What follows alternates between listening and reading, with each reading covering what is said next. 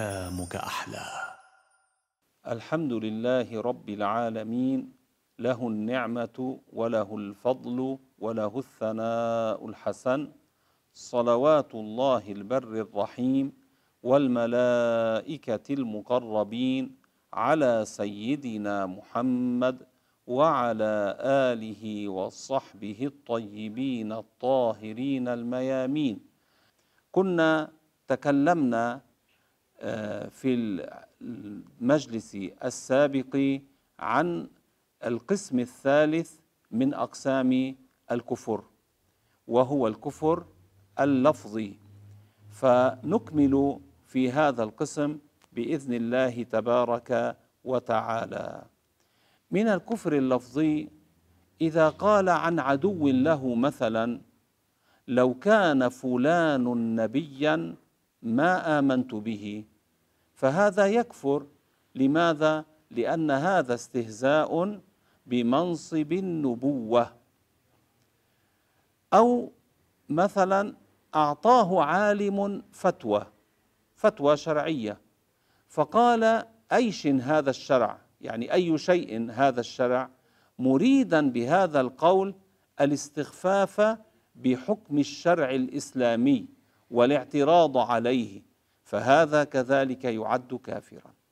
بخلاف ما لو أعطاه فتوى يراها باطلة غير موافقة للشرع فقال له أيش هذا الشرع؟ يعني ما هذا الذي تزعمه شرعا وهو ليس بشرع ليس شرع الله عز وجل. فهذا لا يكفر لأن هذه فتوى هو يراها باطلة. أو مثلا قال لعنة الله على كل عالم مريدا الاستغراق الشامل.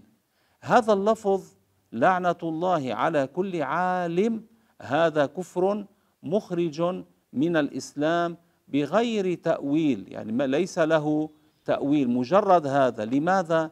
لأنه بقوله لعنة الله على كل عالم هذا فيه تعميم لكل العلماء ويشمل الأنبياء ويشمل إجماع الأمة يشمل الطعن بأمة سيدنا محمد عليه الصلاة والسلام. لذلك يكون كفرا مخرجا من الإسلام. أما من لم يرد الاستغراق الشامل لجميع العلماء بل أراد لعن علماء زمانه وكانت هناك قرينة تدل على ذلك كأن كان ذكر علماء ناحية ما فاسدين. فقال بعدها لعنة الله على كل عالم وهو يقصد هؤلاء وكان ذلك منه لما يظن بهم من فساد أحوالهم فإنه لا يكفر. وإن كان كلامه لا يخلو من المعصية يعني لا يخرج عن كونه حراما. أما من لم يكن في كلامه قرينة تدل على التخصيص فهذا يكفر. ولو قال أنا قصدت علماء زماني يعني ملخص هذه المسألة.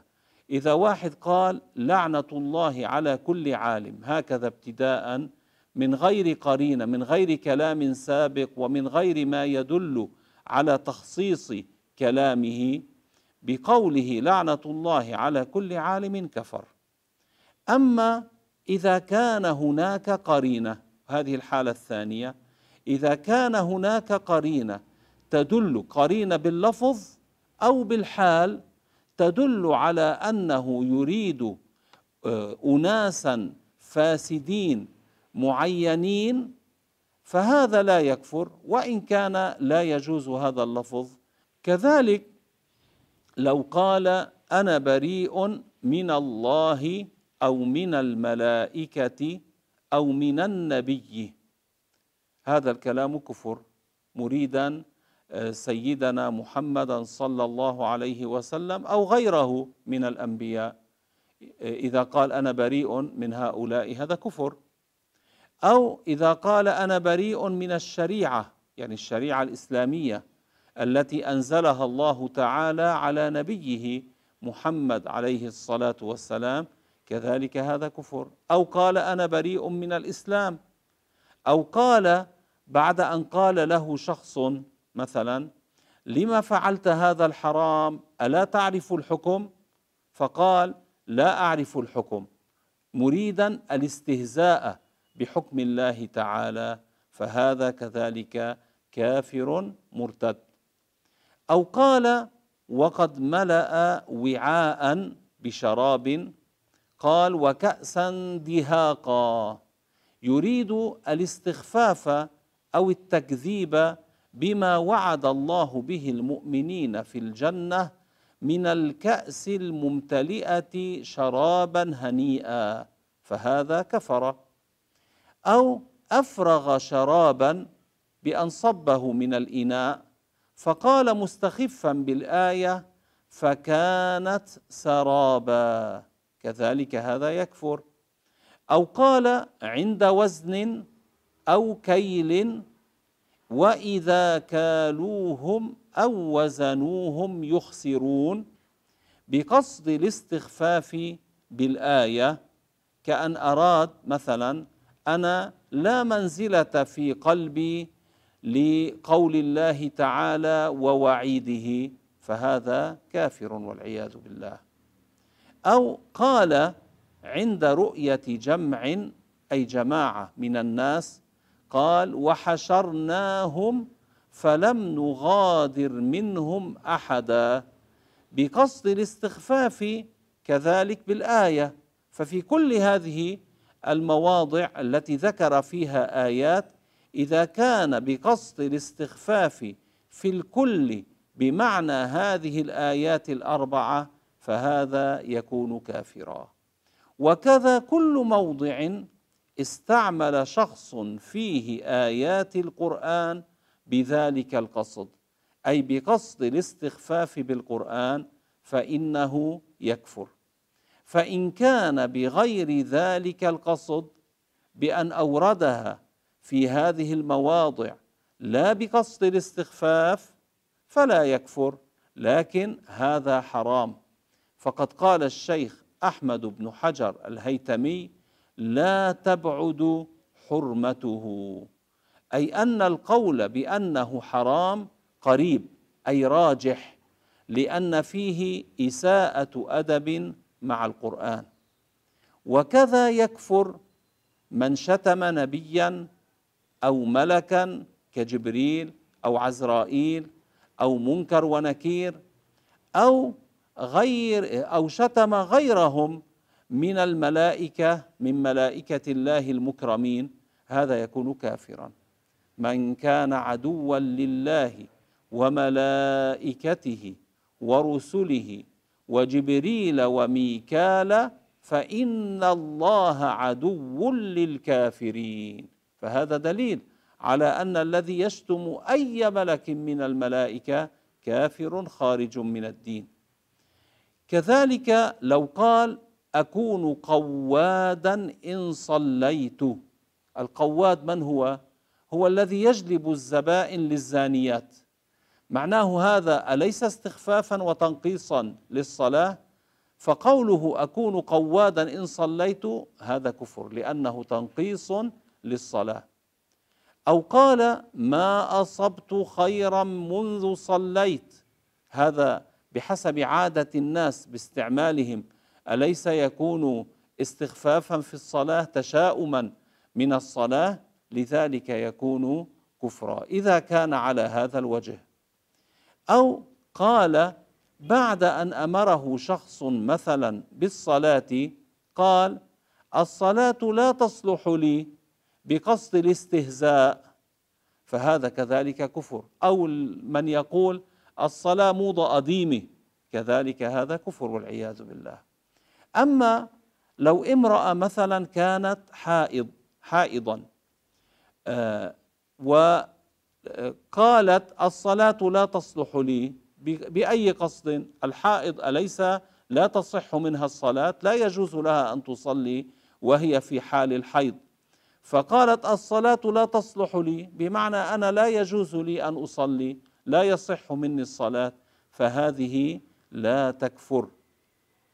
أو قال لمسلم أنا عدوك وعدو نبيك. هذا فيه استخفاف بالنبي عليه الصلاة والسلام حين قال وعدو نبيك لذلك يكفر. أو قال لشريف وهنا المقصود بالشريف آه، يعني من يرجع نسبه إلى رسول الله محمد عليه الصلاة والسلام. قال له أنا عدوك وعدو جدك مريدا النبي عليه الصلاة والسلام فهذا يكفر.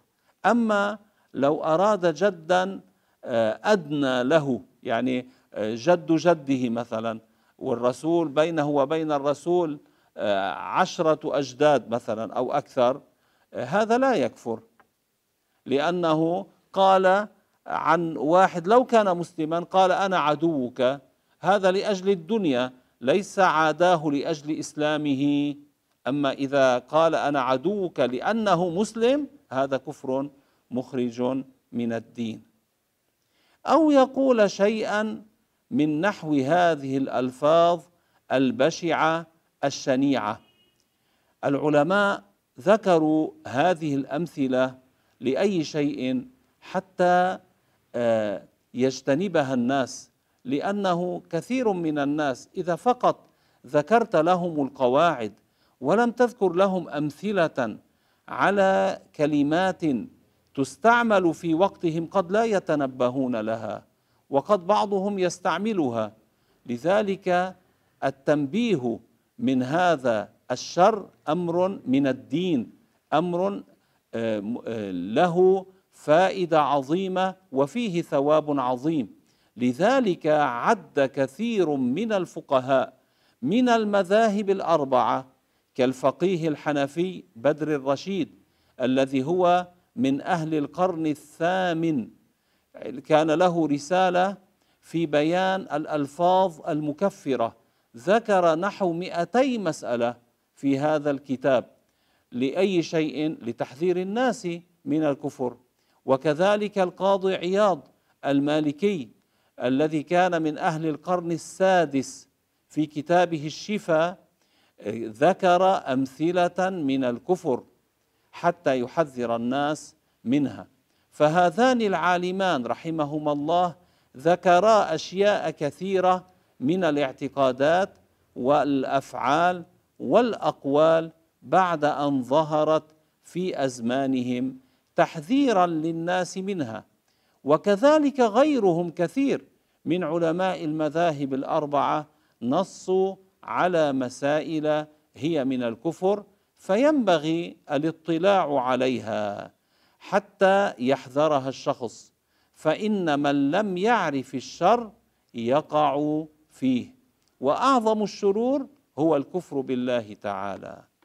والقاعدة في هذا الأمر القاعدة في الكفريات حتى تجتنب التي وهذه القاعدة بنى العلماء عليها كلامهم في هذه المسائل.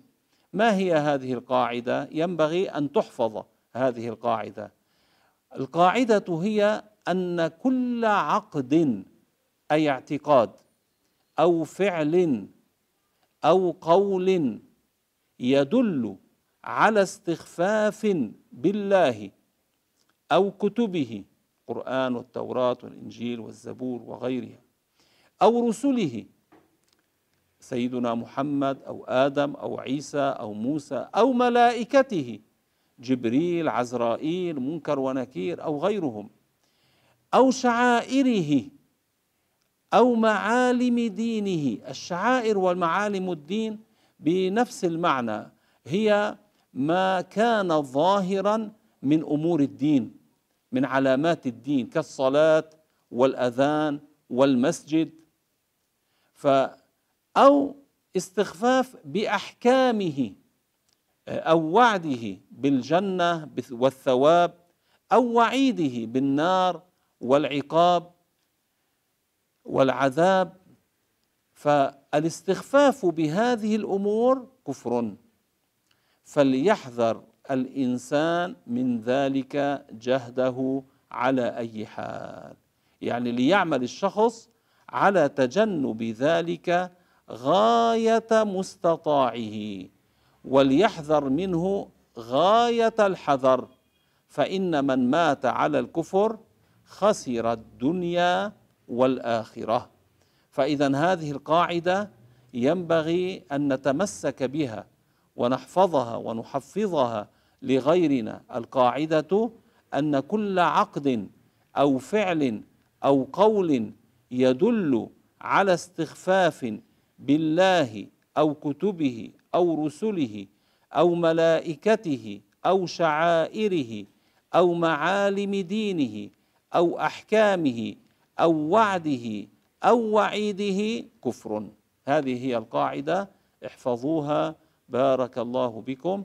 أسأل الله العلي القدير أن يجعلني وإياكم من الذين يستمعون القول فيتبعون أحسنه. إنه على ما نسأله قدير وسبحان الله والحمد لله رب العالمين.